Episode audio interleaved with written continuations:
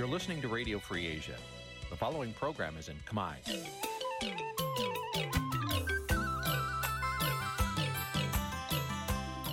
នេះជាកម្មវិធីផ្សាយ Vuthu Azizi Serai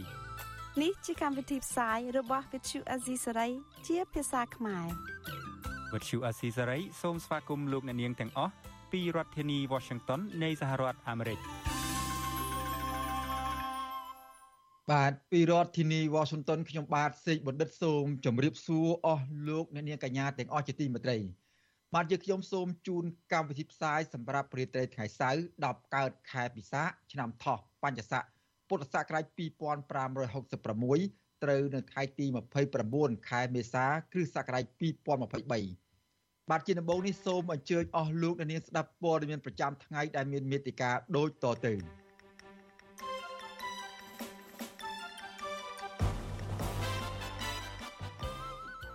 ប្រពន្ធលោកថៃសិដ្ឋារិះគន់តុលាការថាកំពុងរឹតបន្តឹងសិទ្ធិសេរីភាពនយោបាយលើប្តីរបស់អ្នកស្រីអញ្ញាធរខេត្តកណ្ដាលលុបឈ្មោះមន្ត្រីជាន់ខ្ពស់គណៈបកភ្លើងទៀនម្នាក់ទៀតចេញពីក្របខ័ណ្ឌរដ្ឋមន្ត្រីគណៈបកប្រឆាំងរិះគន់រដ្ឋមន្ត្រីក្រសួងព័ត៌មានដែលអះអាងថាកម្ពុជាមានសិទ្ធិសេរីភាពខាងការបញ្ចេញមតិ អ្នកវិភាគថាលោកហ៊ុនសែនកាន់តែគ្មានតម្លៃជាមនុស្សដោយសារតែធ្វើនយោបាយទុច្ចរិតរួមនឹងព័ត៌មានសំខាន់សំខាន់មួយចំនួនទៀតបាទជាបន្តទៅទៀតនេះខ្ញុំបាទសេកបណ្ឌិតសូមជូនព័ត៌មានពិស្ដាបាទលោកនាងកញ្ញាជាទីមេត្រី ប្រពន្ធអនុប្រធានគណៈបកភ្លើងទៀនលោកថៃសេដ្ឋាលើកឡើងថារ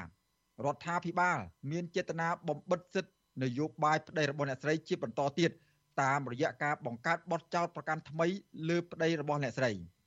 បាទមន្ត្រីអង្គការសង្គមស៊ីវិលយល់ឃើញថារដ្ឋាភិបាលគួរផ្ដល់សេរីភាពដល់លោកថៃស៊ីថាជាជាងបង្កើតបទចោទប្រកាន់ថ្មីដើម្បីបើកលំហសេរីភាពនយោបាយនៅមុនការបោះឆ្នោតចូលមកដល់បាទពីរដ្ឋធានី Washington លោកចិត្តចំណានរាយការណ៍អំពីរឿងនេះប្រពន្ធអនុប្រធានគណៈបកភ្លឹងទៀនលោកថាច់សេថាលោកស្រីថាច់សុកបូរនីលើកឡើងថាប្តីរបស់លោកស្រី មិនបានប្រព្រឹត្តកំហុសដោយការចោទប្រកាន់របស់ស្លាប់ដំបូងរាជធានីភ្នំពេញនោះឡើយលោកស្រីចាត់ទុកការចោទប្រកាន់ប្តីរបស់លោកស្រីពីបទញុះញង់ដោយគ្មានភស្តុតាងនេះគឺជាចេតនារបស់រដ្ឋាភិបាលដែលចង់បំបិទសិទ្ធិនយោបាយទៅលើប្តីរបស់លោកស្រីថ្លែងនៅទឹកមុខក្រៀមក្រំនិងមានកូនតូចតូច6នាក់នៅក្នុងបន្ទប់ផងនោះស្រីថាច់សុកបូរនីបន្ថែមថាការចាប់ឃុំរបស់ប្តីលោកស្រីមិនត្រឹមតែធ្វើឲ្យគ្រួសារមានជីវភាពកាន់តែលំបាកនោះទេក៏បានធ្វើឲ្យប៉ះទង្គិចដល់ផ្លូវចិត្តរបស់កូនកូនផងដែរលោកស្រីបន្ថែមថាប្តីរបស់លោកស្រី មិនបានញុះញង់បង្កឲ្យមានភាពអសន្តិសុខដោយការចោទប្រកាន់របស់ស្លាដំបូងរាជធានីភ្នំពេញនោះឡើយលោកស្រីបន្តថាការចោទប្រកាន់ថ្មីទៅលើប្តីរបស់លោកស្រីនេះគឺជាការបន្ថែមភាពអយុត្តិធម៌ថ្មីមួយទៀតទៅលើបទចោទចាស់ដែលប្តីរបស់លោកស្រីកំពុងតែជាប់ឃុំក្នុងពន្ធនាគារយ៉ាងអយុត្តិធម៌ទៅហើយ ដែលតែស្វាក់ឯនោះធ្វើទុកអូនដល់ពេលអញ្ចឹងគេមិនព្រមអីមិនដឹងគេយកគាត់មកបងពីនឹងមកដល់សាលាការគេឲ្យគាត់ប្រឌិតមេដៃប្រឌិតអីហ្នឹងដល់ពេលអញ្ចឹងគេឲ្យគាត់ទៅភ័យសវិញពីនៅពេលអញ្ចឹងរឿងការភ័យហ្នឹងដូចថាធ្វើអីមិនចេញណាសាលាដំបូងរាជធានីភ្នំពេញបានចោទប្រកាន់បទថ្មីមួយទៀតទៅលើលោកថាច់សេដ្ឋាពីបទញុះញង់ជុំវិញការបំពេញទស្សនកិច្ចរបស់លោកទៅប្រទេសជប៉ុន កាលពីចុងឆ្នាំ2022ជាមួយគ្នានេះសាលាដំបូងរាជធានីភ្នំពេញក៏បានសម្រេចឃុំខ្លួនលោកថាច់សេដ្ឋា បន្ថែមពីបទចោទចាស់ដែលបានចោទប្រកាន់លោកពីបទមិនបំពេញកាតព្វកិច្ចចំពោះឧបករណ៍ដែលអាចជួញដូរបានឬចេញផ្សាយអត់លុយវិសុវអសិសរីមិនអាចតតងអ្នកនាំពាក្យសាលាដំបងរាជធានីភ្នំពេញលោកអ៊ីរ៉ានដើម្បីបកស្រាយជុំវិញរឿងនេះបាននៅឡើយទេនៅថ្ងៃទី29ខែមេសា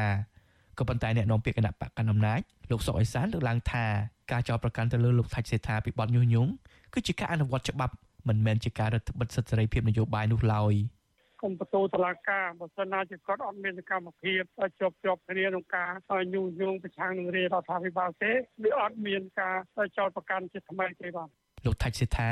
គឺជាអ្នកនយោបាយដែលមានដើមកំណត់ខ្មែរក្រោមលលិចធ្លោម្នាក់ក្នុងចំណោមក្បាលម៉ាស៊ីនរបស់គណៈបកភ្លើងទៀន4រូបដែលកំពុងជាប់ឃុំក្នុងពន្ធនាគារក្នុងនោះរួមមានប្រធានគណៈកម្មាធិការប្រតិបត្តិគណៈបកភ្លើងទៀនខេត្តកំពង់ចាមលោកតូចថង ប្រធានចលនាយុវជនគណៈបកភ្លើងទៀនលោកខឿនវិរៈនិងអនុប្រធានចលនាស្ត្រីអ្នកស្រីនុសធារីគិតមកដល់ថ្ងៃសៅរ៍ទី29ខែមេសាលោកថាច់សេថាបានជាប់ឃុំនៅក្នុងពន្ធនាគារព្រៃសរម1អស់រយៈពេលជាង100ថ្ងៃមកហើយបើទោះបីជាលោកថាច់សេថាកំពុងមានជំងឺប្រចាំកាយមួយចំនួនដូចជាជំងឺបេះដូងជំងឺលើសឈាមនិងជំងឺទឹកនោមផ្អែមជាដើមនិងមានប្រាក់តម្កល់ចំនួន30,000ដុល្លារក្តីក៏ប៉ុន្តែតុលាការកំពូលកាលពីថ្ងៃទី28ខែមេសា មិនបានដោះលែងលោកឲ្យនៅក្រៅឃុំវិញនោះឡើយជុំវិញរឿងនេះនាយកទទួលបន្ទុកកិច្ចការទូតនៃអង្គការលីកាដូលោកអំសម្មាជល់ឃើញថាការបង្កើតបទចោទថ្មីទៅលើមន្ត្រីជាន់ខ្ពស់គណៈបកភ្លើងទៀនលោកថាច់សេដ្ឋានេះបង្ហាញពីការរឹតបន្តឹងលំហប្រជាធិបតេយ្យនៅកម្ពុជាបន្ថែមទៀតគណៈរដ្ឋាភិបាលកម្ពុជាកំពុងរងការរិះគន់ពីការរំលោភសិទ្ធិមនុស្សធ្ងន់ធ្ងរនៅលើឆាកអន្តរជាតិស្រាប់លោកបន្តថាដើម្បីធានាឲ្យមានការបោះឆ្នោតដោយសេរីត្រឹមត្រូវនិងយុត្តិធម៌រដ្ឋាភិបាលគួរលើកលែងរាល់ការចោទប្រកាន់ ទៅលើសកម្មជនគណៈបកនយោបាយនិងដោះលែងពួកគេឲ្យមានសេរីភាពជាជាបន្តយាយីទៅលើសកម្មជននយោបាយបន្ថែមទៀត។ ខ្ញុំគិតថាអ្នកនយោបាយទាំងអស់គួរតែពិនិត្យពិចារណាហើយយើងគួរតែរកមធ្យោបាយណាមួយដើម្បីឲ្យមានបរិយាកាសល្អហើយងាកមករកការប្រកួតប្រជែងគ្នាតាមបែបប្រតិបត្តិការបោះឆ្នោតដោយសេរីនិងត្រឹមត្រូវដោយយុត្តិធម៌វិញគឺជារឿងល្អដើម្បីឲ្យសហគមន៍អន្តរជាតិនឹងគេទទួលស្គាល់ហើយមានបរិយាកាសល្អឆ្ពោះទៅរកការបោះឆ្នោតអ្នកវិភាគនយោបាយធ្លាប់លើកឡើងថា ដើម្បីមានភាពងាយស្រួលក្នុងការផ្ទេរអំណាចពីឪពុកទៅកូនរដ្ឋាភិបាលលោកហ៊ុនសែននៅតែបន្តប្រើប្រាស់ប្រព័ន្ធតុលាការដើម្បីគម្រាមកំហែងចាប់អ្នកនយោបាយដែលមាននានាការផ្ទុយពីរដ្ឋាភិបាលដាក់ពន្ធនាគារតាមទំនឹងចិត្តដោយមិនខ្លាចការកាត់ផ្តាច់ប្រព័ន្ធអនុគ្រោះពន្ធ EBA ពីសហគមន៍អឺរ៉ុបនិង GSP ពីសហរដ្ឋអាមេរិកនោះឡើយខ្ញុំបានជាចំណាន Visual Assisray ប្រធានាទី Washington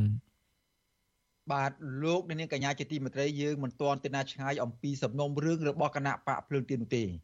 បាទអភិបាលខេត្តកណ្ដាលបានលុបឈ្មោះមន្ត្រីគណៈបកភ្លើងទៀនម្នាក់ចេញពីក្របខ័ណ្ឌមន្ត្រីរាជការស៊ីវិលបាទមន្ត្រីគណៈបកភ្លើងទៀនដែលត្រូវបានគេលុបឈ្មោះពីក្របខ័ណ្ឌរដ្ឋនោះអះអាងថាលោកមិនបានដឹងខ្លួនទាល់តែសោះស្រាប់តែសុកសុកត្រូវបានគេហៅឲ្យទៅយកលិខិតលុបឈ្មោះចេញពីក្របខ័ណ្ឌរដ្ឋទាំងលោកមិនបានធ្វើខុសពីលក្ខន្តិកៈមន្ត្រីរាជការនោះឡើយបាទលោកនាងនឹងបានស្ដាប់សេចក្តីរាយការណ៍អំពីរឿងនេះនាពេលបន្តិចទៀត បាទលោកនាងកញ្ញាជាទីមេត្រីគណៈបកភ្លើងទៀនលើកឡើងថាកម្ពុជាបច្ចុប្បន្ននេះគ្មានសិទ្ធិសេរីភាពខាងការបញ្ចេញមតិនោះទេបាទការលើកឡើងនេះធ្វើឡើងបន្ទាប់ពីរដ្ឋមន្ត្រីនៃក្រសួងព័ត៌មានថ្លែងនៅក្នុងកិច្ចពិភាក្សាមួយជាមួយនឹងតំណាងក្រុមហ៊ុន TikTok ប្រទេសឡាវនិងប្រទេសមីយ៉ាន់ម៉ាឬភូមា ថាកម្ពុជាពុំមានការរឹតបន្តឹងសិទ្ធិសេរីភាពក្នុងថាកម្ពុជាពុំមានការរឹតបន្តឹងសិទ្ធិសេរីភាពនៅក្នុងការបញ្ចេញមតិនោះឡើយបាទពីរដ្ឋធានីវ៉ាស៊ីនតោន អ្នកស្រីម៉ៅសុធីនី មានសេចក្តីរាយការណ៍អំពីរឿងនេះ មន្ត្រីគណៈបកភ្លើងទៀនរីគុណថាការដែលរដ្ឋមន្ត្រីក្រសួងព័ត៌មាន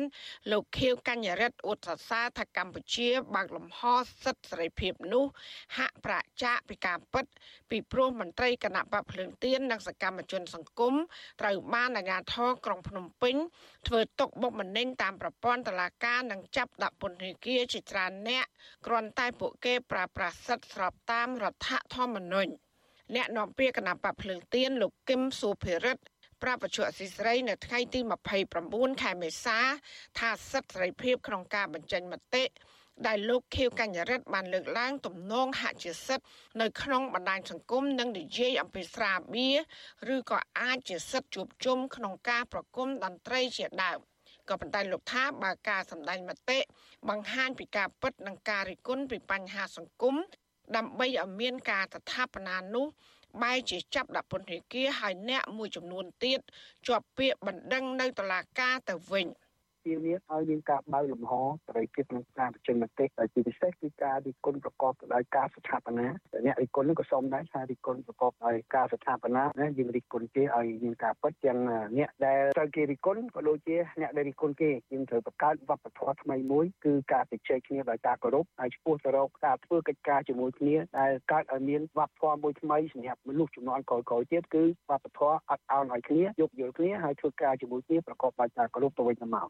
ប្រតិកម្មរបស់មន្ត្រីបកភ្លើងទៀននេះគឺនៅបន្ទាប់ពីលោកខៀវកញ្ញរិទ្ធបានថ្លែងក្នុងកិច្ចពិភាក្សាជាមួយតំណាងក្រុមហ៊ុន TikTok ប្រទេសឡាវនិងប្រទេសមីយ៉ាន់ម៉ាកាលពីថ្ងៃទី28ខែមេសាថាកម្ពុជាពុំមានការរដ្ឋបတ်សិទ្ធិសេរីភាព ក្នុងការបញ្ចេញមតិនោះទេគោលបំណងនៃកិច្ចពិភាក្សានេះ គឺដើម្បីបង្កើនកិច្ចសហប្រតិបត្តិការនិងចូលរួមធ្វើឲ្យលំហមេត្តាព័ត៌មាននៅលើបណ្ដាញទំនាក់ទំនងសង្គម TikTok មានសុវត្ថិភាព និងការទទួលខុសត្រូវក្នុងសង្គម លើពីនេះលោកខៀវកញ្ញរិទ្ធក៏បានបញ្ជាក់ថានឹងក្រុងរៀបចំសិក្ខាសាលាស្ដីពីការប្រើប្រាស់ TikTok ប្រកបដោយសុវត្ថិភាពនិងបង្រៀនវគ្គបណ្ដុះបណ្ដាល ដល់អង្គភាពជំនាញពាក់ព័ន្ធនឹងការប្រើប្រាស់បណ្ដាញសង្គម TikTok នៅខែឧសភាខាងមុខ ជុំវិញរឿងនេះដែរប្រធានសមាគមការពារសិទ្ធិមនុស្សអាត6លោកនីសុខាឲ្យដឹងថាការលើកឡើងរបស់លោកខៀវកញ្ញរិទ្ធមិនឆ្លោះបញ្ចាំងពីការអនុវត្តសិទ្ធិមនុស្សនៅកម្ពុជានោះឡើយប្រសិនបើកម្ពុជាមានសិទ្ធិសេរីភាពពិតប្រាកដមិនមែនសហភាពអឺរ៉ុបដកប្រព័ន្ធអនុគ្រោះពន្ធ EBA 20%និងសហរដ្ឋអាមេរិកមិនបន្តប្រព័ន្ធអនុគ្រោះពន្ធ GSP នោះទេ លោកបន្តថាមិនមែនគ្រប់ការបញ្ចេញមតិនៅក្នុងបណ្ដាញសង្គមទាំងអស់សុទ្ធតែបង្ហាញថាកម្ពុជាមានសិទ្ធិសេរីភាព ហើយរដ្ឋាភិបាលគួរតែទទួលយកមតិស្របនិងមតិផ្ទុយដើម្បីកែតម្រូវចំណុចខ្វះខាតឲ្យកាន់តែប្រសើរ។ រដ្ឋាភិបាលគួរតែហ៊ាននៅក្នុងការទទួលយកការពិតឬក៏ទទួលយកនៅ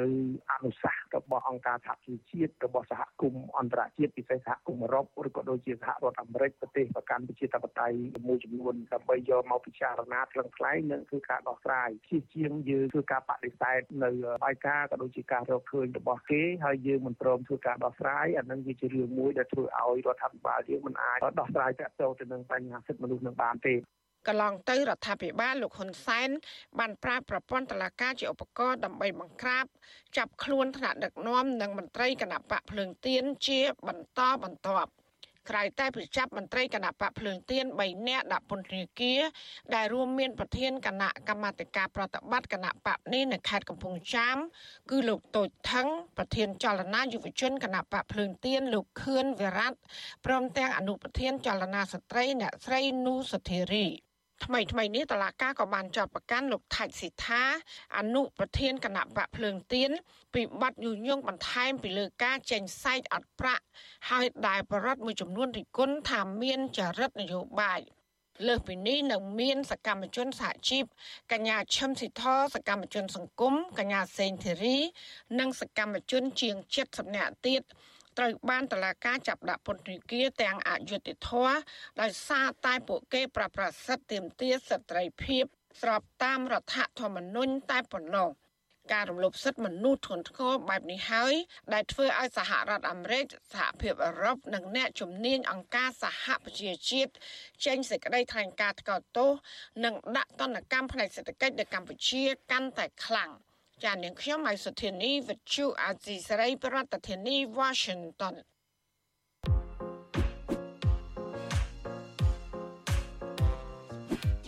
បាទខ្ញុំបាទជួនច័ន្ទវុតស៊ូមជម្រាបសួរលោកអ្នកនាងកញ្ញាជាទីមេត្រីហើយនៅកបែខ្ញុំនេះគឺជាបរោះម្នាក់ដែលលោកអ្នកនាងធ្លាប់ស្គាល់ថាជាពៅពន្លកកាលពី ប្រមាណដណ្ដប់ឆ្នាំមុនកាលគាត់នៅក្មេងនៅឡើយប៉ុន្តែដល់មកដល់ពេលចាស់នេះឥឡូវឈ្មោះអីនៅជម្រាបជូនលោកអ្នកស្ដាប់ផងទៅបាទជម្រាបសួរបងជុនច័ន្ទបតហើយជម្រាបសួរលោកអ្នកនាងជាទីមេត្រីតាមពិតទៅខ្ញុំឈ្មោះសំពូលីបាទ អឺធ្វើបិទតែគាត់ហៅខ្ញុំបងមែនប៉ុន្តែលោកអ្នកនាងកញ្ញាឃើញហើយសក់គាត់រៀងអីណារៀងសសអីខ្លះមិនខ្មៅក្រឹបដូចខ្ញុំទេប៉ុន្តែគាត់គាត់ចាស់យ៉ាងណាក៏ដោយចុះគាត់នៅចង់ក្មេងជានិច្ចបាទយើងក្មេងៗទាំងពីរអ្នកនេះដែលឡើងមកជម្រាបសួរលោកអ្នកនាងពេលនេះនឹងគឺព្រោះថានៅខែក្រោយនេះនៅខែឧសភានេះពូលីយើងនឹងមានកម្មវិធីប្លែកមួយទៀតដែលយើងឆ្លៀតឱកាសនេះចង់ជម្រាបលោកអ្នកនាងឲ្យហើយកម្មវិធីយើងឈ្មោះអីពូលីកម្មវិធីរបស់យើងគឺថាក្អាត់ ក្រៅក្អមច្រឡំចេះតែថាមិនមែនកម្មវិធីក្អាត់ក្រៅក្អមទេអាក្រាតក្រៅក្អមនេះយើងថាពីមុនបន្ទាប់មកទៀតឥឡូវនេះយើងដូរហើយយើងដាក់ឈ្មោះកម្ពុជាសប្តាហ៍នេះគឺយើងជឿទេលោកអ្នកនាងកញ្ញា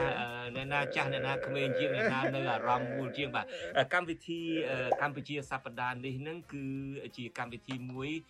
ប្លែកខុសពីកម្មវិធីដែលយើងផ្សាយនៅលើវិទ្យុកម្មវិធីនេះគេហៅថា podcast បាទ podcast នឹងបានអនុញ្ញាតឲ្យយើងទៅជែកពិភាក្សាបញ្ហាច្រើនណាស់ដែលយើងអាចយកមកទៅជែកបានហើយបញ្ហាទាំងអស់នោះយើងអាចទៅជែកបានស៊ីជម្រៅ ច្រើនជាងហើយអាចនិយាយលេងសើចឲ្យបានច្រើនជាងកម្មវិធីដែលនៅលើវិទ្យុរបស់យើងលោកអ្នកនាងកញ្ញានឹងទទួលបានសំណើចច្រើននៅពេលដែលយើងជជែកគ្នាលេងនៅបញ្ហានេះពូលីអាចនឹងមានអីរៀបរាប់ជូនលោកអ្នកស្ដាប់ខ្លះៗទេថាតើ podcast នឹងនឹងទៅជែករឿងអីខ្លះ គាត់ចង់បន្ថែមពីអ្វីដែលបងបាននិយាយបន្តិចមិញនេះគឺថាទី1យើងមានពេលវេលាច្រើន ជាងអ្វីនៅក្នុងកម្មវិធីផ្សាយរបស់យើងបាទព្រោះថាអ្វីដែលយើងនិយាយតាមវិទ្យុគឺថាយើងកំណត់ពេលវេលា1ម៉ោងព្រឹក1ម៉ោងល្ងាចអឺ podcast របស់យើងនេះគឺថាយើងអាចនិយាយលឹះបានបើសិនជាប្រធានបទដែលយើងតម្រូវឲ្យយើងនិយាយបានរឿងដែលខ្ញុំគិតចេញភ្លាមពីក្នុងខួរក្បាលនេះគឺថាចង់និយាយពីវប្បធម៌ស៊ីកេម៉ែឪនឹងតែម្ដងហ្នឹងព្រោះថា នៅក្នុងប្រទេសកម្ពុជាបច្ចុប្បន្នដូចបងដឹងហើយអ្នកស្ដាប់យើងបានដឹងហើយគឺថាគេផ្ទេរតំណែងតាំងពីនាយករដ្ឋមន្ត្រីឲ្យកូនតាំងពីចវាយខេត្តទៅឲ្យកូនតាំងពីមេបលិសទៅឲ្យកូនតាំងពីមេធនាគារឲ្យកូននឹងយើងចង់និយាយពីពីវប្បធម៌ហ្នឹងបាទ ហើយតើលោកអ្នកនាងអាចចូលទៅស្ដាប់កម្មវិធី podcast របស់អាស៊ីសេរីប្រចាំសប្តាហ៍ដែលនឹងចាប់ផ្ដើមពីខែឧសភាទៅនឹងតាមកន្លែងណាខ្លះបាទលោកអ្នកនាងអាចស្ដាប់តាមប្រព័ន្ធ podcast នានាដូចជានៅលើ Apple Podcast Google Podcast និងលើ Spotify ជាដើមលោកអ្នកនាងក៏អាចស្ដាប់កម្មវិធីកម្ពុជាសប្តាហ៍នេះ តាមគេហទំព័ររបស់អាស៊ីសេរីដែលមានអាសយដ្ឋាន rfa.org/ ខ្មែរ ហើយថែម /podcast មួយទៀតបាទយើងខ្ញុំទាំងពីរអ្នករីករាយណាស់នឹងនាំនៅកម្មវិធីថ្មីនេះជូនលោកអ្នកនាង សង្ឃឹមថានឹងជួបគ្នា នៅលើកម្មវិធី podcast កម្ពុជាសប្តាហ៍នេះចាប់ពីខែឧសភានេះតទៅ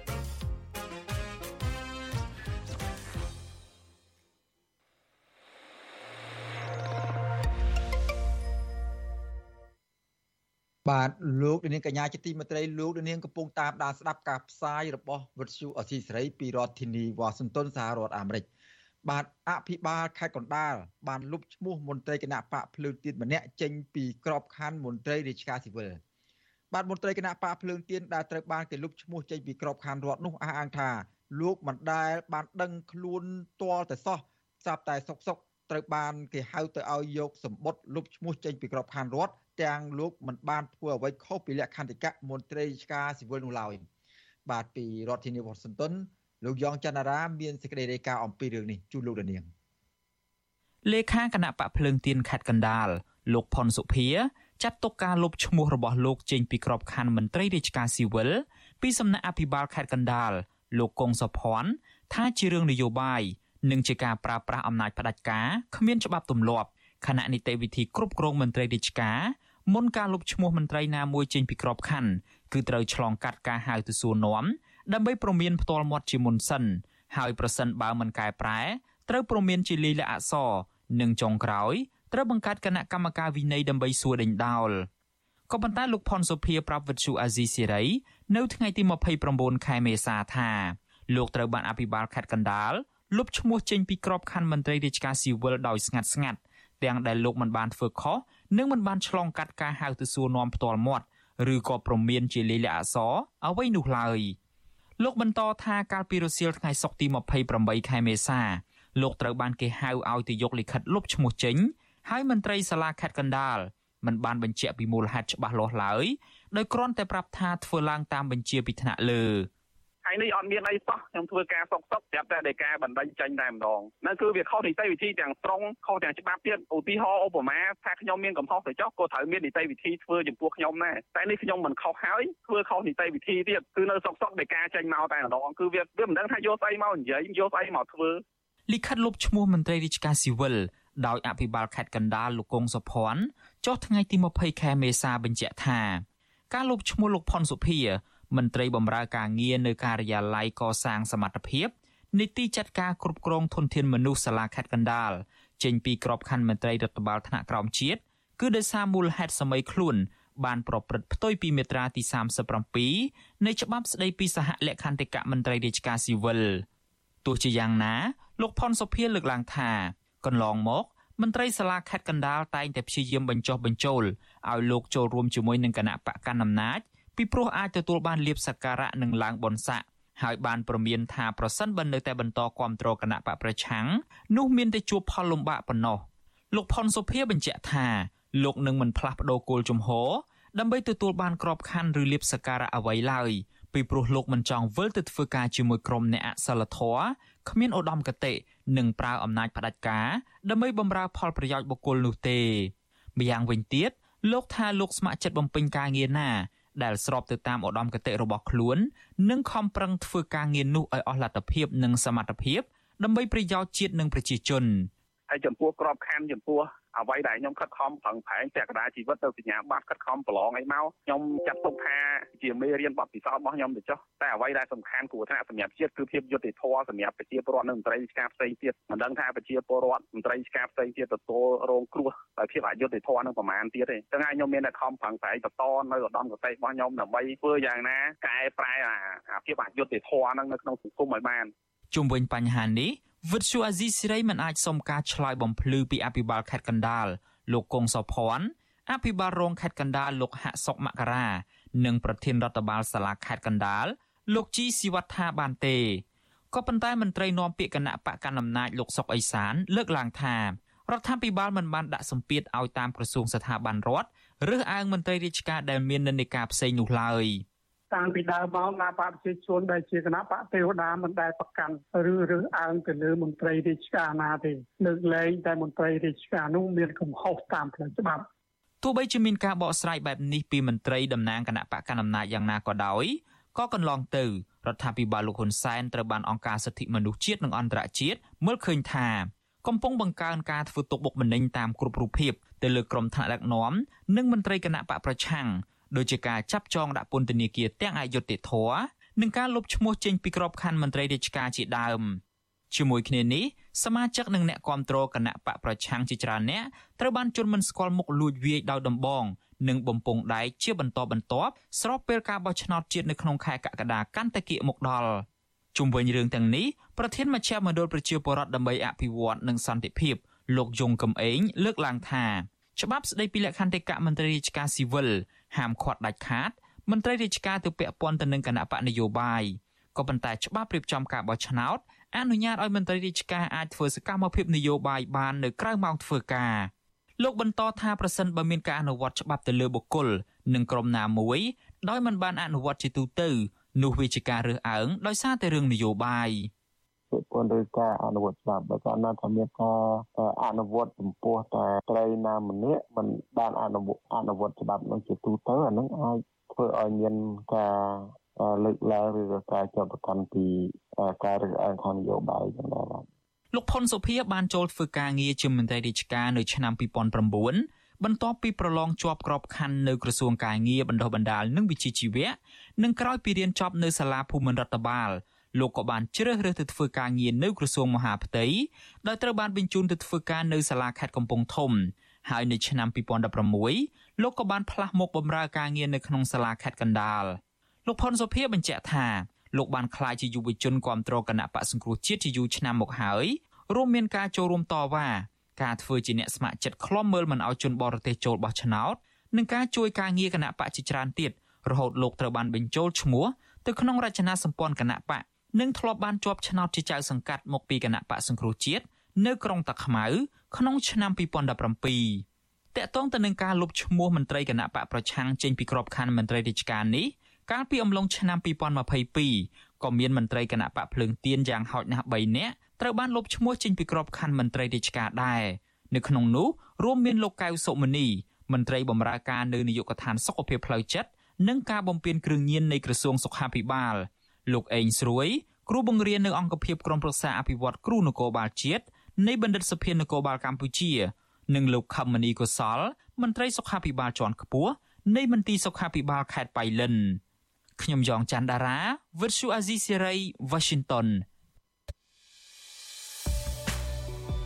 កម្មវិធីវិទ្យុអាស៊ីសេរីសម្រាប់ទូរស័ព្ទដៃអាចឲ្យលោកអ្នកនាង អានអត្ថបទទស្សនាវីដេអូនិងស្ដាប់ការផ្សាយផ្ទាល់ដោយឥតគិតថ្លៃ និងដោយគ្មានការរំខាន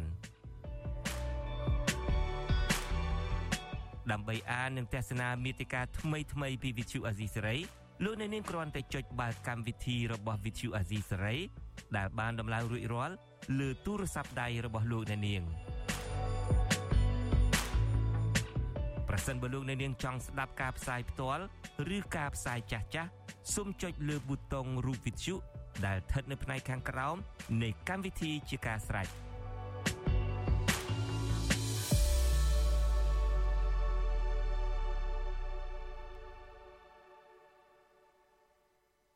បាទលោកនាងកញ្ញាជាទីមេត្រីឥឡូវនេះពាក់ព័ន្ធនឹងការរៀបចំបោះឆ្នោតថ្នាក់ជាតិ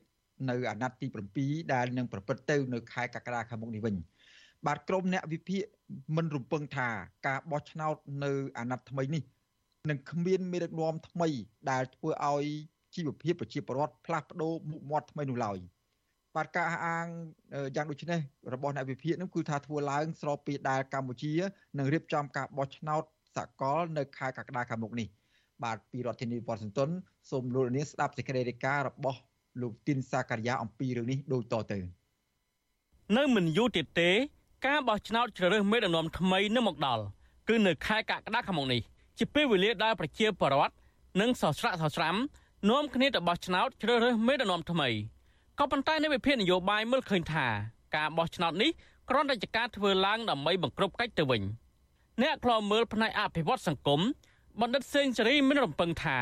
ការរៀបចំការបោះឆ្នោតនៅពេលខាងមុខនឹងមិនមានមេដឹកនាំថ្មីដោយការចង់បានរបស់ប្រជាពលរដ្ឋនោះឡើយដោយសារតែការរៀបចំការបោះឆ្នោតនោះនឹងមិនប្រព្រឹត្តទៅដោយសេរីនិងយុត្តិធម៌នោះទេ កម្លាំងពលរដ្ឋហ្នឹងគឺរឿងជារឿងដែលសំខាន់ជាងគេក៏ប៉ុន្តែបច្ចុប្បន្ននេះយើងឃើញថាតួអង្គសំខាន់សំខាន់ស្ថាប័នសំខាន់សំខាន់ដែលធានាទៅលើតម្លាភាពសេរីភាពហើយនិងភាពយុត្តិធម៌ហើយនឹងការស្មើភាពគ្នានៅក្នុងការបោះឆ្នោតហ្នឹងវាអត់មានចឹងហើយយើងក៏មិនដឹងថាតើមានការកេងបន្លំនឹងប៉ុណ្ណាហើយទោះបីជាកន្លងមកយើងឃើញថាសម្លេងនៅក្នុងការផ្លាស់ប្ដូរឆ្នាំ2013ជាសិទ្ធិនាករសំខាន់ ក៏ប៉ុន្តែយើងនៅតែមើលឃើញថាដោយសារតែស្ថាប័នឯករាជ្យបរដ្ឋដែលធានាលើការបោះឆ្នោតហ្នឹងវាមិនឯករាជ្យវាត្រូវបានទទួលឥទ្ធិពលពីគណៈបកកណ្ដាលអំណាចដូច្នេះវាវាអត់មានអាជ្ញាកណ្ដាលមួយដែលយើងអាចទទួលយកបានឬក៏អាចទុកចិត្តបានណាបាទកម្ពុជាបានប្រកាន់យករបបប្រជាធិបតេយ្យសេរីពហុបកដែលកំណត់ការបោះឆ្នោតក្នុងមួយអាណត្តិមានរយៈពេល5ឆ្នាំម្ដងគិតតាំងពីឆ្នាំ1993មកកម្ពុជាបានរៀបចំការបោះឆ្នោតចំនួន6លើករួចមកហើយ រយៈពេលប្រមាណជា30ឆ្នាំមកនេះទោះជាកម្ពុជាបានរៀបចំការបោះឆ្នោតជាទៀងទាត់ក្នុងរយៈពេល5ឆ្នាំម្ដងដោយមានចែងនៅក្នុងរដ្ឋធម្មនុញ្ញក៏ដោយក៏ការបោះឆ្នោតនេះមិនអាចផ្លាស់ប្ដូរមេដឹកនាំថ្មីបានដដែលផ្ទុយទៅវិញអំពើហិង្សានយោបាយការចាប់ចងការបាញ់សម្លាប់តែងតែកើតមានចំហហែស្ទើរតែនៅគ្រប់អាណត្តិអ្នកនយោបាយកម្ពុជាបង្កើតសង្គ្រាមពាក្យសម្ដីឆ្លងឆ្លើយនឹងហែកហួរគ្នាគ្មានទីបញ្ចប់ធ្វើឲ្យជាតិបែកបាក់ ក្រុមអ្នកប្រឆាំងត្រូវបានរបបលោកហ៊ុនសែនចាត់ទុកថាជាខ្មាំងនិងលៀបពណ៌ថាជាក្រុមបដិវត្តពណ៌ជាដើមទីប្រឹក្សាអង្គការ Conference លោកគុលបញ្ញាមានប្រសាសន៍ថាដើម្បីឲ្យការបោះឆ្នោតជ្រើសរើសបានមេដឹកនាំល្អនោះលុះត្រាតែបរដ្ឋសកម្មទៅចូលរួមបោះឆ្នោតឲ្យគណៈបកដែលខ្លួនពេញចិត្តដោយសេរីនិងគ្មានការភ័យខ្លាចឲ្យសកម្មជននយោបាយស្អីនេះឲ្យគេអាចធ្វើសកម្មភាពនៅក្នុងកិច្ចការនយោបាយដោយមិនមានការភ័យខ្លាចអ្នកដែលចោតប្រកាន់អ្នកនីតិរដ្ឋការត្រូវគួរបាន គឺថាឲ្យពួកគេមានសេរីភាពមកវិញត្រឡប់មកចូលរួមនៅក្នុងកិច្ចការនយោបាយនេះសំខាន់ណាស់ហើយធ្វើម៉េចពិនិត្យមើលអំពីការកោជបសមាជិកកោជបធ្វើម៉េចឲ្យស្របទៅតាមរដ្ឋធម្មនុញ្ញដែលយើងបានស្រោះស្រួលគ្នាឲ្យធ្វើម៉េចមានតំណាងកោជបចេញពីភាគីណាអ្នកនយោបាយនៃគណៈបកប្រគល់ជ័យសំខាន់ខាន់ហ្នឹងព្រោះនៅក្នុងរដ្ឋធម្មនុញ្ញយើងគឺថាគេឲ្យ ឲ្យកោជបនឹងមានសមាជិកចម្រុះដែលចេញពីគណៈបកដឹកនាំរដ្ឋាភិបាលនិងគណៈបកដែលមិនមិនចូលរួមដឹកនាំរដ្ឋាភិបាលលោកនាយរដ្ឋមន្ត្រីហ៊ុនសែនបានក្តាប់ក្តាប់ស្ថាប័នជាតិទាំងអស់ជាពិសេសស្ថាប័នតុលាការនិងស្ថាប័នរៀបចំការបោះឆ្នោតលោកគ្រប់គ្រងស្ថាប័នតុលាការដើម្បីកម្ចាត់គណៈបកប្រឆាំងដោយជាការរំលាយគណៈបកសង្គ្រោះជាតិកាលពីឆ្នាំ2017និងបន្តធ្វើទុកបុកម្នេញគណៈបកប្រឆាំងរហូតដល់សប្តាហ៍ជាដើម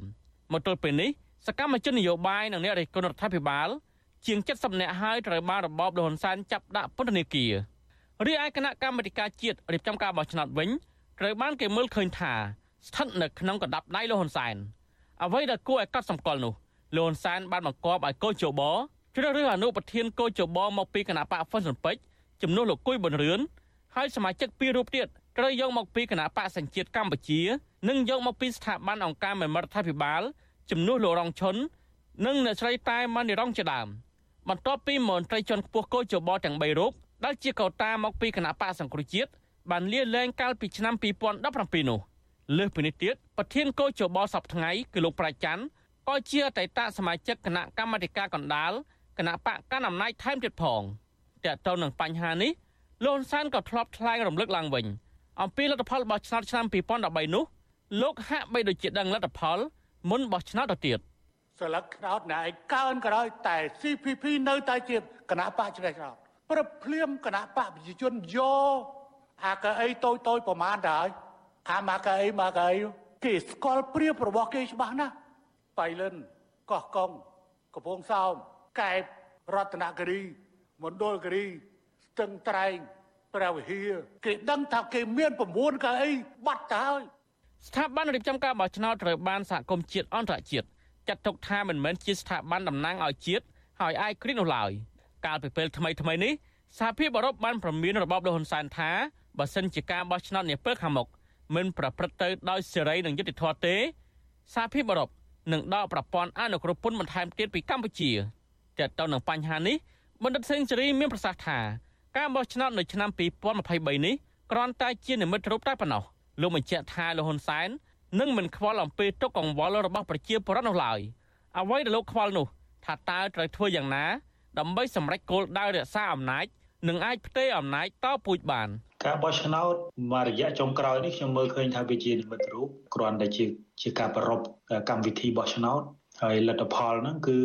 គណៈបកកណ្ដាលអំណាចហ្នឹងសឹងតែដឹងមុនដែរថាខ្លួនបានប្រមាណអីប្រមាណកៅអីនោះ ចឹងហើយការបោះឆ្នោតវាលែងคล้ายទៅជាកម្មវិធីប្រពកម្មវិធីពិធីកម្មនៅក្នុងការបោះឆ្នោតលុះត្រាតែយើងមើលធៀបផ្សំមួយចំនួនដូចជាទូនាទីគោជបតើតើមានឯករាជ្យបណ្ណាដែលអាចគូប្រកួតទាំងអស់នៅក្នុងសេវានបោះឆ្នោតនឹងទទួលយកបានបណ្ណាហើយនឹងឱកាសនៅក្នុងការឃោសនាបោះឆ្នោតសិទ្ធិសេរីភាពនៅក្នុងការឃោសនាហើយនឹងការធានា មិនមានការធ្វើទុកបុកម្នេញទាល់តែលក្ខខណ្ឌទាំងអស់ហ្នឹងវាប្រសើរបានយើងអាចយើងអាចមើលដឹងថាការបោះឆ្នោតហ្នឹងវាមិនមែនជាវាមិនមែនជាពិធីកម្មនៅក្នុងការបោះឆ្នោតហ្នឹងបាទទោះបីជាលោកហ៊ុនសែនបានក្តាប់ក្តាប់ស្ថាប័នកោជបនិងស្ថាប័នជាតិសំខាន់សំខាន់ផ្សេងទៀតដែលធ្វើឲ្យលោកអាចឈ្នះការបោះឆ្នោតនៅពេលខាងមុខតាមផែនការរបស់លោកបែបនេះក្តីក៏លោកនៅតែប្រើយុទ្ធសាស្ត្រច្រើនទៀតនៅមុនពេលបោះឆ្នោតខែកក្កដាមកដល់នេះយុទ្ធសាស្ត្រទាំងនោះមានដូចជា ការគម្រិតកំហែងការសម្លុត ការអូសទាញក្រុមអ្នកប្រជាធិបតេយ្យឲ្យងាកមកចោះចូលជាមួយលោកវិញជាដើមយុទ្ធសាស្ត្ររបស់លោកហ៊ុនសែនទាំងនេះទោះជាត្រូវច្បាប់ខុសច្បាប់ឬអសិលធម៌បែបណាក៏ដោយក៏លោកមិនខ្វល់អ្វីដែរយុទ្ធសាស្ត្រខុសច្បាប់និងអសិលធម៌នោះមានដូចជាការលួចថតសម្លេងសន្ទនាឯកជនរបស់មន្ត្រីបកប្រឆាំងជាបន្តបន្ទាប់ជាដើមក្នុងនោះមានលោកប៉ែនសវណ្ណលោកកម្មសខានិងអតីតអគ្គលេខាធិការគណៈបកភ្លឹងទៀនលោកលីសុធិរយុទ្ធជាដើមទោះបីជាលោកហ៊ុនសែនប្រយុទ្ធសាស្ត្រអសិលធម៌និងខុសច្បាប់បែបនេះក្តី ក្រុមនៃវិភាគអះអាងថាប្រសិនបើលោកហ៊ុនសែនមិនរៀបចំការបោះឆ្នោតដើម្បីបង្ក្រប់កិច្ចទេនោះហើយបើកលំហសិទ្ធិសេរីភាពនិងទុកឲ្យស្ថាប័នកោជបនៅដាច់ជាស្ថាប័នអាយក្រិចដោយមានចាយនៅក្នុងច្បាប់នោះការបោះឆ្នោតនៅពេលខាងមុខគណៈបកកណ្ដាលអំណាចរបស់លោកនឹងមានវាសនាមិនខុសពីការបោះឆ្នោតកាលពីឆ្នាំ1993នោះឡើយខ្ញុំទីនសាការីយ៉ាអស៊ីសេរីប្រធានីវ៉ាស៊ីនតោន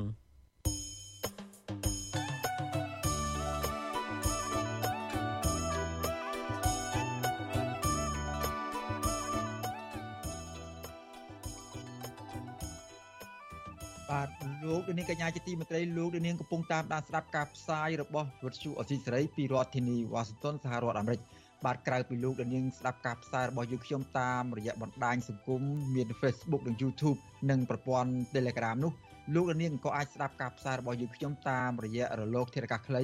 មាន Shortwave ដែលមានរលកធាតុអាកាសដូចតទៅនេះចាប់ពីព្រឹកបាទពេលព្រឹកចាប់ពីម៉ោង5កន្លះដល់ម៉ោង6កន្លះតាមរយៈប៉ុស SW 9.39 MHz ស្មើនឹងកម្ពស់ 25m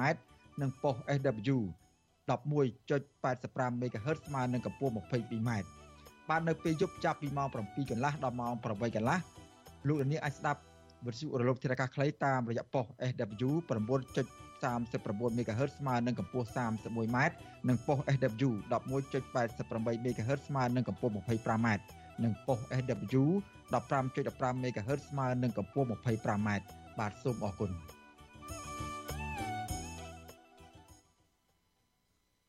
បាទលោកនាងកញ្ញាជាទីមេត្រីឥឡូវនេះយើងក៏លេចមកមើលសិទ្ធិសេរីភាពរបស់កម្មករនយោជិតវិញម្ដងបាទសហភាពការងារកម្ពុជាហៅកាត់ថា CLC ដែលរួមមានក្រុមកម្មកររោងចក្រកាត់ដេរនិងបុគ្គលិកកម្មករក្នុងវិស័យផ្សេងផ្សេងទៀត បាទគ្រូប្រមូលផ្ដុំគ្នាដើរដង្ហែក្បួនដាក់ញត្តិទៅក្រសួងស្ថាប័នដែលពាក់ព័ន្ធនៅថ្ងៃទី1ខែឧសភាខាងមុខជាទិវាជាថ្ងៃទិវាពលកម្មអន្តរជាតិខួបទី137ដើម្បីទាមទារសិទ្ធិការងារឲ្យមានភាពប្រសើរឡើងបាទឥឡូវដើម្បីដឹងច្បាស់អំពីការធ្វើផែនការដើរក្បួននោះរៀបចំយ៉ាងដូចម្ដេចហើយញត្តិដែល ដែលគ្រោងដាក់ជូនទៅស្ថាប័នពាក់ព័ន្ធក្នុងរដ្ឋាភិបាលនិងស្ថាប័នពាក់ព័ន្ធដទៃទៀតនោះនឹងមានន័យខ្លឹមសារយ៉ាងម៉េចណាមានន័យខ្លឹមសារយ៉ាងណាខ្លះនោះយើងបានអញ្ជើញលោកអាត់ធុនបាទប្រធានសហភាពការងារកម្ពុជាហៅគាត់ថា CLC ដើម្បីលោកផ្ដល់បទសម្ភាសជុំវិញរឿងនេះបាទសូមជម្រាបសួរលោកអាត់ធុនពីចម្ងាយបាទបាទលោកជម្រាបសួរបាទបាទលោកអាត់ធុនមួយរយៈពេលនេះសុកទុកយ៉ាងណាដែរខ្ញុំខានជួបលោកយួរនេះ បាទសុកទុកធម្មតាយ៉ាងម៉េចដែរលោកសេចបណ្ឌិតតាំងពីបានជួបគ្នានៅសហរដ្ឋអាមេរិកមកដល់ពេលនេះយើងមួយរយៈ យើងបែកគ្នាសុខសប្បាយធម្មតាទេនៅក្នុងភ្នំពេញមិនសុខសុខទុកធម្មតាទេក៏ប៉ុន្តែបានជួបរីករាយចឹងទៅដល់ពេលបែកគ្នាទៅក៏មានការនឹករលឹកប៉ុន្តែឥឡូវយើងទុកការនឹករលឹកនេះមួយឡែកសិនចុះឥឡូវងាកមកគម្រោងធ្វើផែនការដើរដង្ហែក្បួនប្រពៃទិវាពលកម្មអន្តរជាតិខួប137ខាងមុខនេះវិញចង់ឲ្យលោកអធុនរៀបរាប់បន្តិចមើលថាតើគម្រោង រៀបចំដើរដង្ហែក្បួននៅខួបសិទ្ធិការងារនេះតើនឹងរៀបចំយ៉ាងដូចម្ដេចខ្លះហើយចាប់ផ្ដើមដើរដង្ហែក្បួនគ្រូងតម្រាយភ្លើងពីណាទៅណាដែរលោកអធុនបាទបាទសូមអរគុណច្រើនលោកសេចបណ្ឌិតហើយសូមជម្រាបជូនទៅដល់បងប្អូនកម្មករវិចិត្រនិងជនរួមជាតិដែលថានៅថ្ងៃទី1ខែឧសភាឆ្នាំ2023នេះគឺជាខួបលើកទី137នៃទិវាប្រកម្មអន្តរជាតិ ហើយសហភាពការងារកម្ពុជារួមទាំងសហព័ន្ធសហគមន៍សមាគមរហូតដល់ទៅ9វិស័យនិងអង្គការសមាគមពាក់ព័ន្ធផ្សេងទៀតនឹងរៀបចំកម្មវិធីនេះដែលយើងគ្រោងនឹងជួបគ្នានៅមុខសួនច្បារក្រមឧស្សាហ៍អភិវឌ្ឍកម្ពុជា CDC ដែលគ្រូមានគ្នារហូតដល់2000នាក់ហើយចំនួននេះបើយើងគិតមើលក្នុងរយៈពេល7ឆ្នាំចុងក្រោយនេះគឺយើងហាក់បីដូចជាចំនួនច្រើនគួរសមព្រោះពេលមុនយើងអាចធ្វើត្រឹមតែ1000 1000ជាងតែប៉ុណ្ណេះហើយបន្ទាប់ពីជួបជុំគ្នានៅសួនច្បារក្រមឧស្សាហ៍អភិវឌ្ឍកម្ពុជាហើយយើងនឹងហែនៅម្ដុំជុំវិញវត្តភ្នំហើយចិត្តនៅស្ថានទូតអាមេរិកហើយបន្តមកក៏យើងវិលត្រឡប់មកធ្វើកម្មវិធីនៅកន្លែងដែលសួនច្បារក្រមប្រសាអភិវឌ្ឍកម្ពុជាវិញសារតែផែនការដើមគឺយើងស្នើទៅ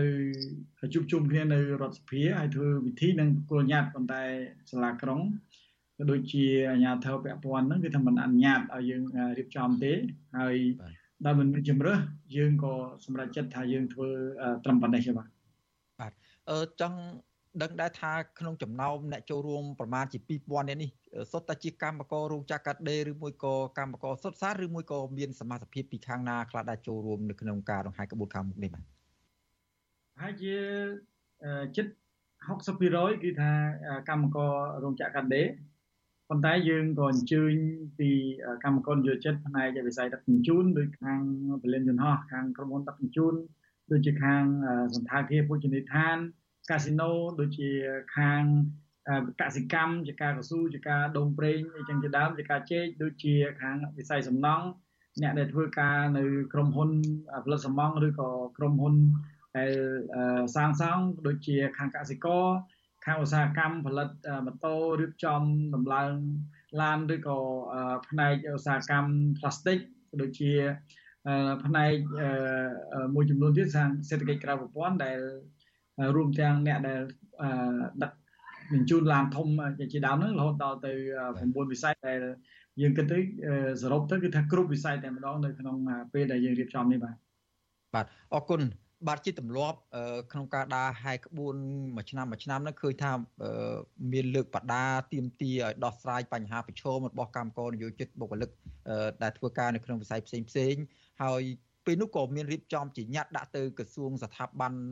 សម័យក្នុងរដ្ឋាភិបាលនិងអង្គការអន្តរជាតិ មួយចំនួនផងដែរចង់ដឹងថាតើក្នុងឆ្នាំនេះញត្តិដែលគ្រោងដង្ហែទៅជូនដល់ស្ថាប័នរដ្ឋប្រសិទ្ធិរដ្ឋសភានិងអង្គការផ្សេងផ្សេងសំខាន់សំខាន់អង្គទូតអីផងនោះតើក្នុងញត្តិនេះនឹងលើកយកបញ្ហាអ្វីខ្លះជាសំខាន់នោះបាទបាទរឿងទី1ដែលយើងគិតថានៅតែជាអធិភាពដែលយើងរៀបចំសំណើហើយ16ចំណុចនោះគឺថាពាក់ព័ន្ធនឹងស្នើឲ្យរដ្ឋាភិបាល រៀបចំឲ្យមានការកំណត់ប្រាក់ឈ្នួលសម្រាប់កម្មករនយោជិតផ្នែកវិស័យវិជ្ជាភ័ណ្ឌហ្នឹងគឺរហូតដល់250ដុល្លារហើយក៏ឲ្យរៀបចំប្រាក់ឈ្នួលអបបរមាសម្រាប់វិស័យដទៃទៀតដូចជាខាងទេសចរដឹកជញ្ជូនឬក៏ខាងសំណង់និងខាងកសិកម្មជាដើមដែលពួកគេបានទទួលប្រាក់ឈ្នួលស្រេចតែអំពើចិត្តមកនយោជកតែប៉ុណ្ណោះហើយក៏ស្នើមានការបញ្ចុះនៅតម្លៃប្រេងឥន្ធនៈឬក៏ជីកសិកម្មរួមទាំងការប្រាក់ធនាគារផ្សេងផ្សេង ហើយនឹងយើងស្នើឲ្យរដ្ឋាភិបាលហ្នឹងគឺថាអន្តរាគមឬក៏តម្លាក់ចោលនៅការចាត់ប្រកាន់ផ្សេងពីតឡាការទៅលើថ្នាក់នាំសហជីពច្រើនដូចជាថ្នាក់នាំសហជីពនៅក្រុមហ៊ុនលក់ថ្នាំពេទ្យ BE ដែលក្រុមហ៊ុនចាត់ប្រកាន់ហើយប្តឹងទៅតុលាការចាត់ប្រកាន់រឿងព្រំទាន់ហើយ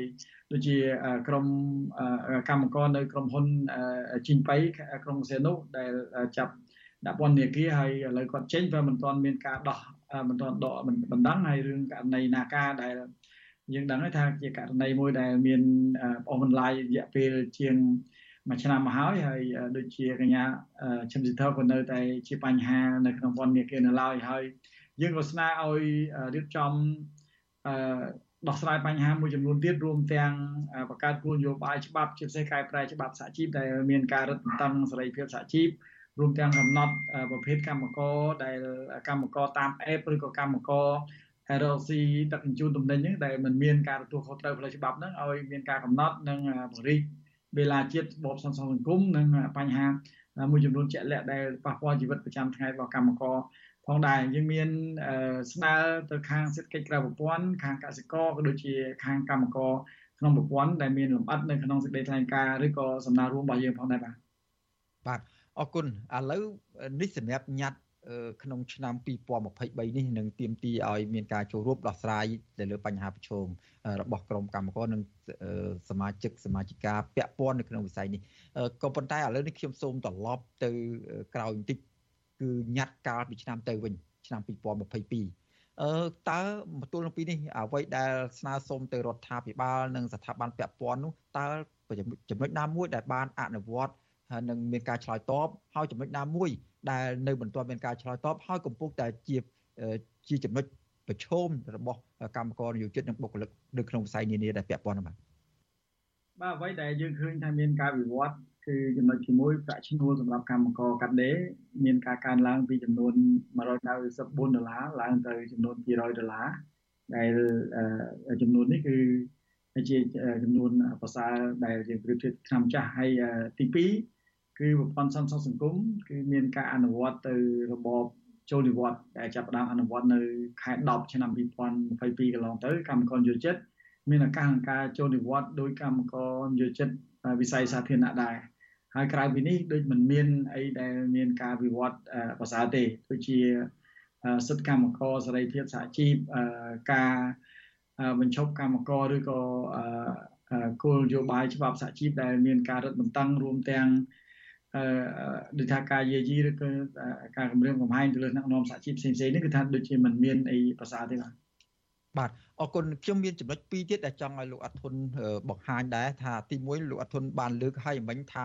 មានការប្រសើរឡើងខ្លះទៅលើការតម្លើងប្រាក់ខែតម្លើងមើលទៅដូចជាមិនច្រើនប្រហែលទេគឺម្ដុំ4 5ដុល្លារអី5ដុល្លារជាងតែប៉ុណ្្នឹងទេបើតាមការលើកឡើងរបស់លោកអធុននេះក៏ប៉ុន្តែបើយើងទៅមើលការឡើងថ្លៃទំនិញទេផរណាទំនិញនៅលើទីផ្សារវិញតើវាសមតុលអាចឲ្យពួកគាត់តម្លើងប៉ុណ្ណឹងឲ្យពួកគាត់សប្បាយចិត្តនិងរស់បានសមស្របទៅតាមក្រតិស័កក្នុងសង្គមការវិវត្តរបស់សេដ្ឋកិច្ចបច្ចុប្បន្ននេះដែរទេបាទលោកអធុនខ្ញុំសូមបញ្ជាក់ដែរថានេះគឺជាចំនួនឡើងប៉ុន្តែបើយើងប្រៀបធៀបទៅនឹងឆ្នាំ2022មកឆ្នាំ2023នេះកម្មករមិនទទួលបានអីច្រើនទេដោយសារតែអតិផរណារង្វង់5%បើយើង គិតមើលប្រាក់ឈ្នួល194បើវាកើនឡើងរហូតទៅដល់5%វាចំនួនឡើងនៅតិចជាងចំនួនអតិផរណាមានន័យថាកម្មករនឹងឡើងហើយនៅខ្វះខាតនៃការចាយនេះជាងឆ្នាំកន្លងទៅទៀតហើយ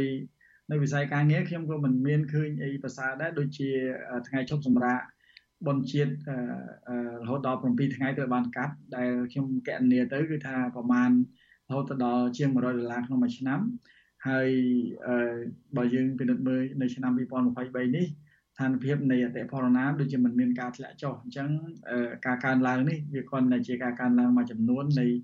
នៃតួលេខប៉ុន្តែវាមិនប្រសើរសម្រាប់ជីវភាពទេដោយសារតែតំណែងទីផ្សារគេហៅថាតម្រូវការរស់នៅឬ cost living ហ្នឹងគឺថាវាកើនឡើងសម្រាប់កម្មករយុជាតិដែលធ្វើឲ្យកម្មករជាច្រើនពីបច្ចុប្បន្ននេះផ្នែកកាត់ដេរនេះបើសិនជាធ្វើការត្រឹមតែចេញម៉ោង4អី កម្មករសឹងថាមិនចង់ធ្វើការទៀតព្រោះកម្មករចង់ទៅរកក្រុមហ៊ុនកន្លែងណាដែលមានការថែមម៉ោងដើម្បីឲ្យគាត់នឹងមានប្រាក់បន្ថែមទៅចំណាយទៅការរស់នៅហើយនឹងបង់ថ្លៃមីក្រូរ៉ាញ់តុផ្សេងៗហើយតាមការសិក្សាស្រាវជ្រាវនៅឆ្នាំចាស់ដែលយើងបានធ្វើសិក្សាស្រាវជ្រាវបឋមពីតម្រូវការរស់នៅនោះកម្មករតើតែមានប្រាក់ឈ្នួលពី100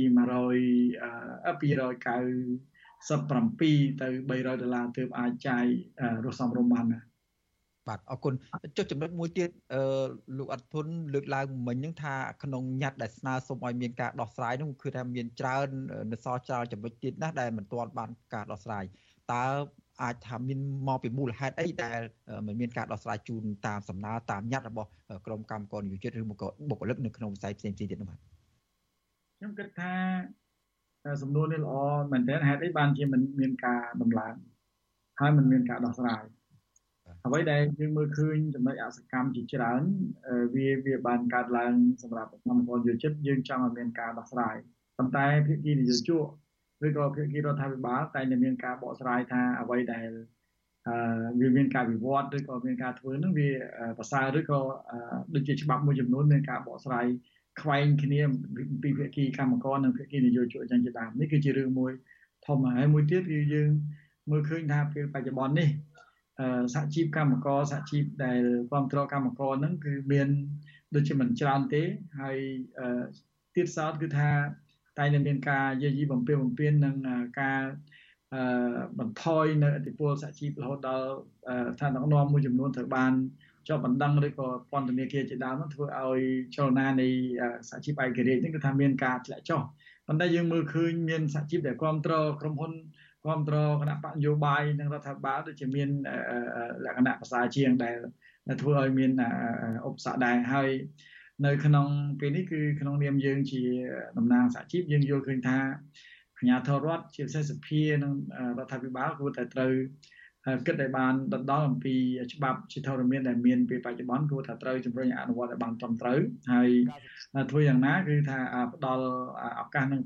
អានឹងប្រយោជន៍ទៅដល់កម្មករឲ្យច្រើនតែកាន់តែបានហើយយើងក៏ឃើញថាប្រព័ន្ធយុតិធធម៌របស់យើងគឺមិនទាន់មានអឺភាពសុក្រិតនៅឡើយគឺមានបញ្ហាច្រើនដែលដែលធ្វើឲ្យឈ្មួញក៏ដូចជាជនខិលខូចតែងតែមានឱកាសនៅក្នុងការបកស្រាយឬក៏យកអាបញ្ហា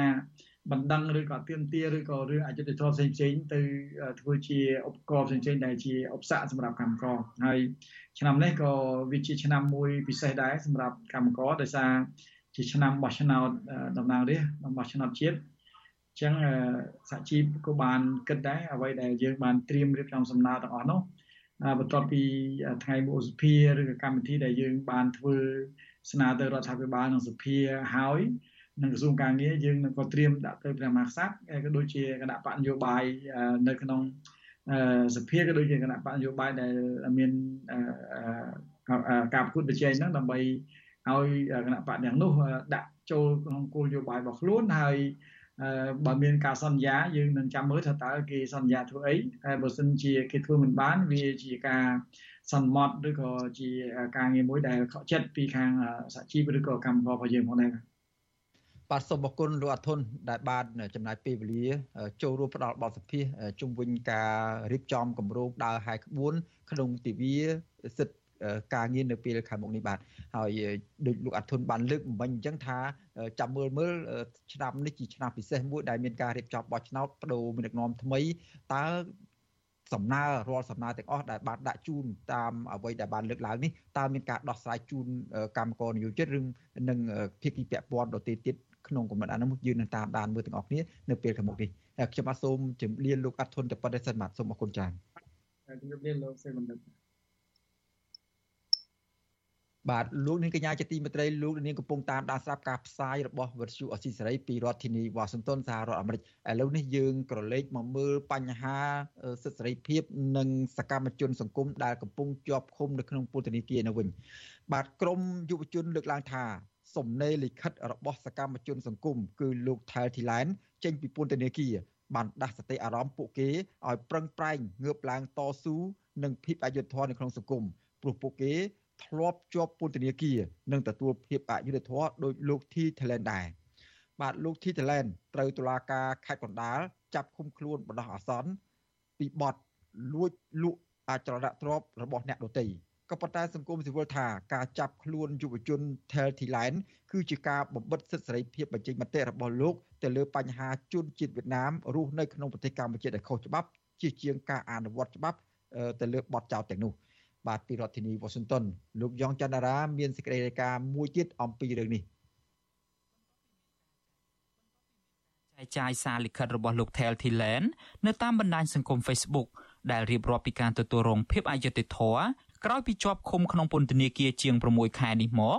ក្រមយុវជនសិទ្ធិមនុស្សបានសម្ដែងការអាណិតអាសូរចំពោះរូបលោកនិងយកស្ថានភាពនាពេលនេះជំរុញទឹកចិត្តរបស់ពួកគាត់ឲ្យកាន់តែក្រោកឡើងតស៊ូមតិចំពោះភាពអយុត្តិធម៌ក្នុងសង្គមថែមទៀត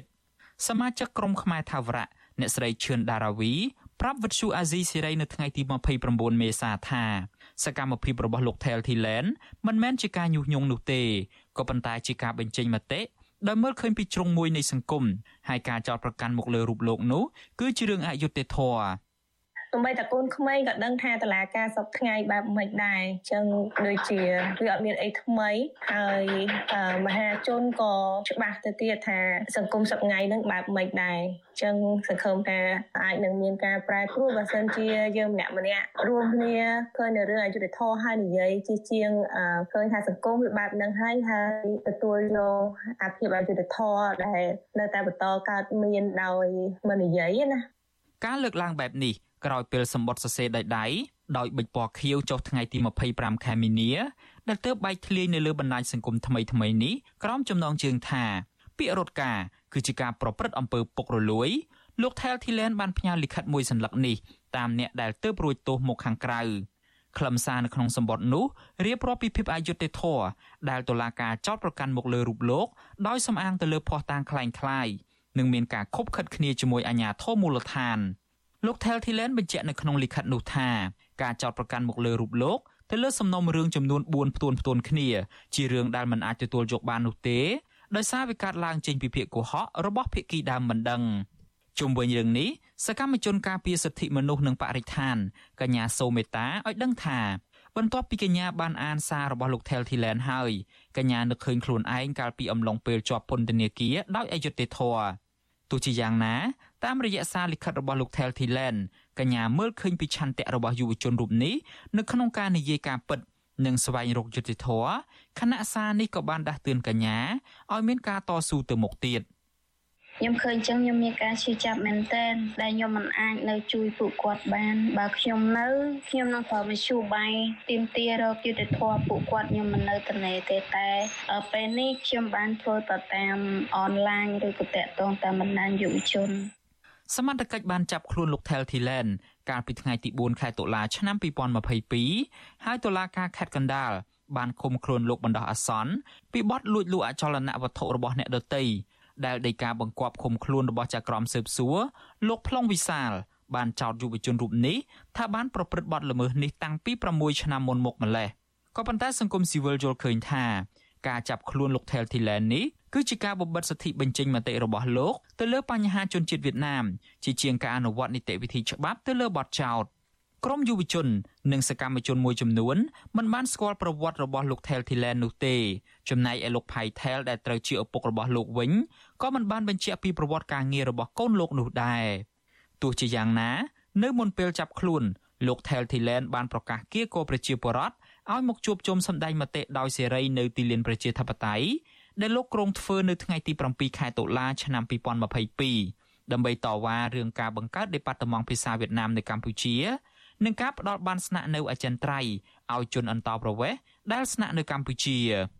ឪពុករបស់លោក Tel Thilen គឺលោកផៃថែលប្រាប់វិទ្យុអាស៊ីសេរីថាសម្បត្តិនោះគឺជាសំណេររបស់កូនលោកពិតប្រាកដមែនលោកបន្តថាកាលពីខែមីនាតុលាការខេត្តកណ្ដាលបានបើកសវនាការជំនុំជម្រះលើករណីលោក Tel Thilen ដែរ ក៏ប៉ុន្តែលោកមិនបានចូលរួមស្ដាប់នោះទេពីព្រោះតុលាការមិនបានផ្ដល់ដំណឹងឲ្យលោកបានដឹងឡើយលោកបញ្ជាក់ថាតាមការឲ្យដឹងពីមេធាវីតុលាការបានបន្ថែមបទចោទទៅលើកូនរបស់លោកចំនួន4ករណីនិងផ្ដន់ទោសដាក់ពន្ធនាគារចំនួន4ឆ្នាំខ្ញុំអត់ដឹងដែរលោកគ្រូថ្ងៃនោះវាកាត់ក្រីវាអត់ខ្ញុំអត់បានទៅដែរថ្ងៃកាត់ក្រីរឿងដីហ្នឹងវាអត់ដល់ខ្ញុំ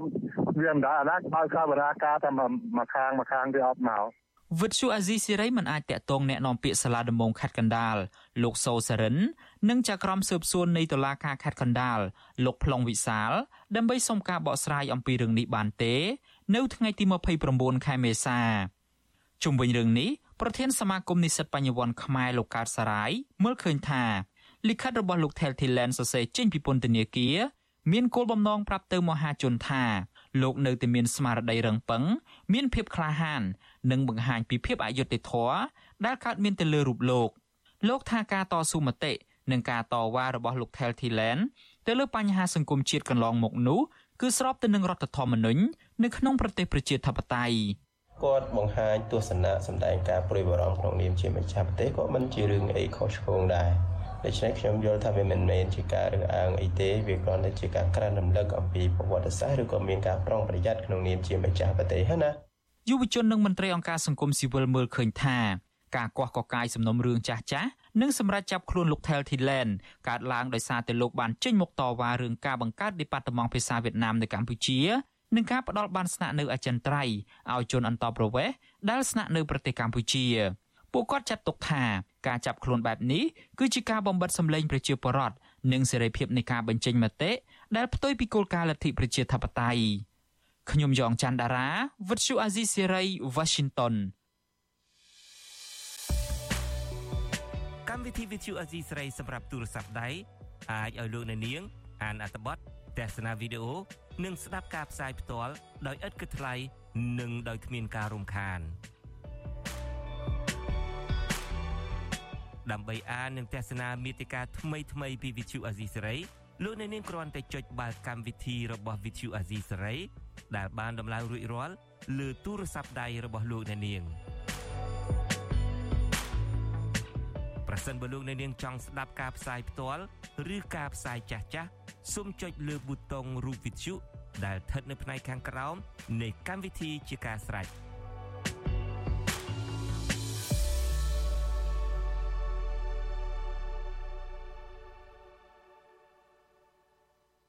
បាទលោកនាងកញ្ញាជាទីមេត្រីនៅក្នុងឱកាសនេះខ្ញុំបាទក៏សូមជម្រាបជូនលោកនាងដែរថាអឺវិទ្យុអសិរ័យចាប់ផ្ដើមការផ្សាយផ្ទាល់កម្មវិធីព័ត៌មានទាំងពេលព្រឹកនិងពេលយប់ជាផ្លូវការរបស់ខ្លួននៅលើបណ្ដាញសង្គមថ្មីមួយទៀតគឺបណ្ដាញសង្គម Telegram ចាប់ពីខែមេសានេះតទៅ បាទលោកនាងអាចស្វែងរក Telegram ផ្លូវការរបស់វិទ្យុអស៊ីសេរីដោយស្វែងរកពាក្យថាវិទ្យុអស៊ីសេរីឬខ្មែរឬ RFA ខ្មែរ នៅលើទូរស័ព្ទដៃរបស់អស់លោកនាងបាទ Telegram ផ្លូវការរបស់វិទ្យុអស៊ីសេរីមានសញ្ញា Tick ជាសម្គាល់បាទក្រុមការងាររបស់វិទ្យុអសេរីនឹងព្យាយាមរិះរោបមធ្យោបាយថ្មីថ្មីបន្ថែមទៀតដើម្បីផ្ដល់ភាពងាយស្រួលដល់លោកនាងដែលនៅក្នុងការស្វែងរកព័ត៌មានស្ដាប់ការផ្សាយរបស់វិទ្យុអស៊ីសេរីនិងទស្សនាការផ្សាយរបស់វិទ្យុអស៊ីសេរីជាបន្តបន្តទៅទៀតបាទសូមអរគុណ បាទលោកនាងកញ្ញាជាទីមេត្រី បាទមន្ត្រីគណៈបកសង្គ្រោះជាតិនិងអ្នកវិភាគនយោបាយលើកឡើងថាលោកនាយករដ្ឋមន្ត្រីហ៊ុនសែនកាន់តែអស់តម្លៃជាមនុស្សតាមរយៈការគម្រាមកំហែងដកឪពុកម្ដាយរបស់លោកសុនដារាតាមទំនឹងចិត្តអ្នកស្រាវជ្រាវការអភិវឌ្ឍសង្គមយល់ឃើញថាបើទោះបីជាលោកហ៊ុនសែនទទួលបានជោគជ័យពីការធ្វើនយោបាយតាមរយៈការគម្រាមកំហែងបែបនេះក៏ដោយក៏ប៉ុន្តែលោកមិនមែនជាអ្នកនយោបាយប្រកបដោយគុណធម៌នោះឡើយ បាទលោកនាងនឹងបានស្ដាប់សេចក្តីរាយការណ៍ពិស្ដារអំពីរឿងនេះនៅព្រឹកស្អែកបាទការផ្សាយរបស់វិទ្យុអស៊ីសេរីការផ្សាយរបស់វិទ្យុអស៊ីសេរីសម្រាប់ព្រឹត្តិថ្ងៃសៅរ៍នេះបានឈានមកដល់ទីបញ្ចប់ហើយខ្ញុំបាទសេកបណ្ឌិតព្រមទាំងក្រុមការងារទាំងអស់របស់វិទ្យុអស៊ីសេរីសូមជូនពរដល់អស់លោកនាងឲ្យជួបប្រកបតែនឹងសេចក្តីសុខចម្រើនរុងរឿងកំបីភ្លៀងគ្លេឡើយហើយសូមអរគុណនិងសូមជម្រាបលាបាទរាត្រីសួស្តី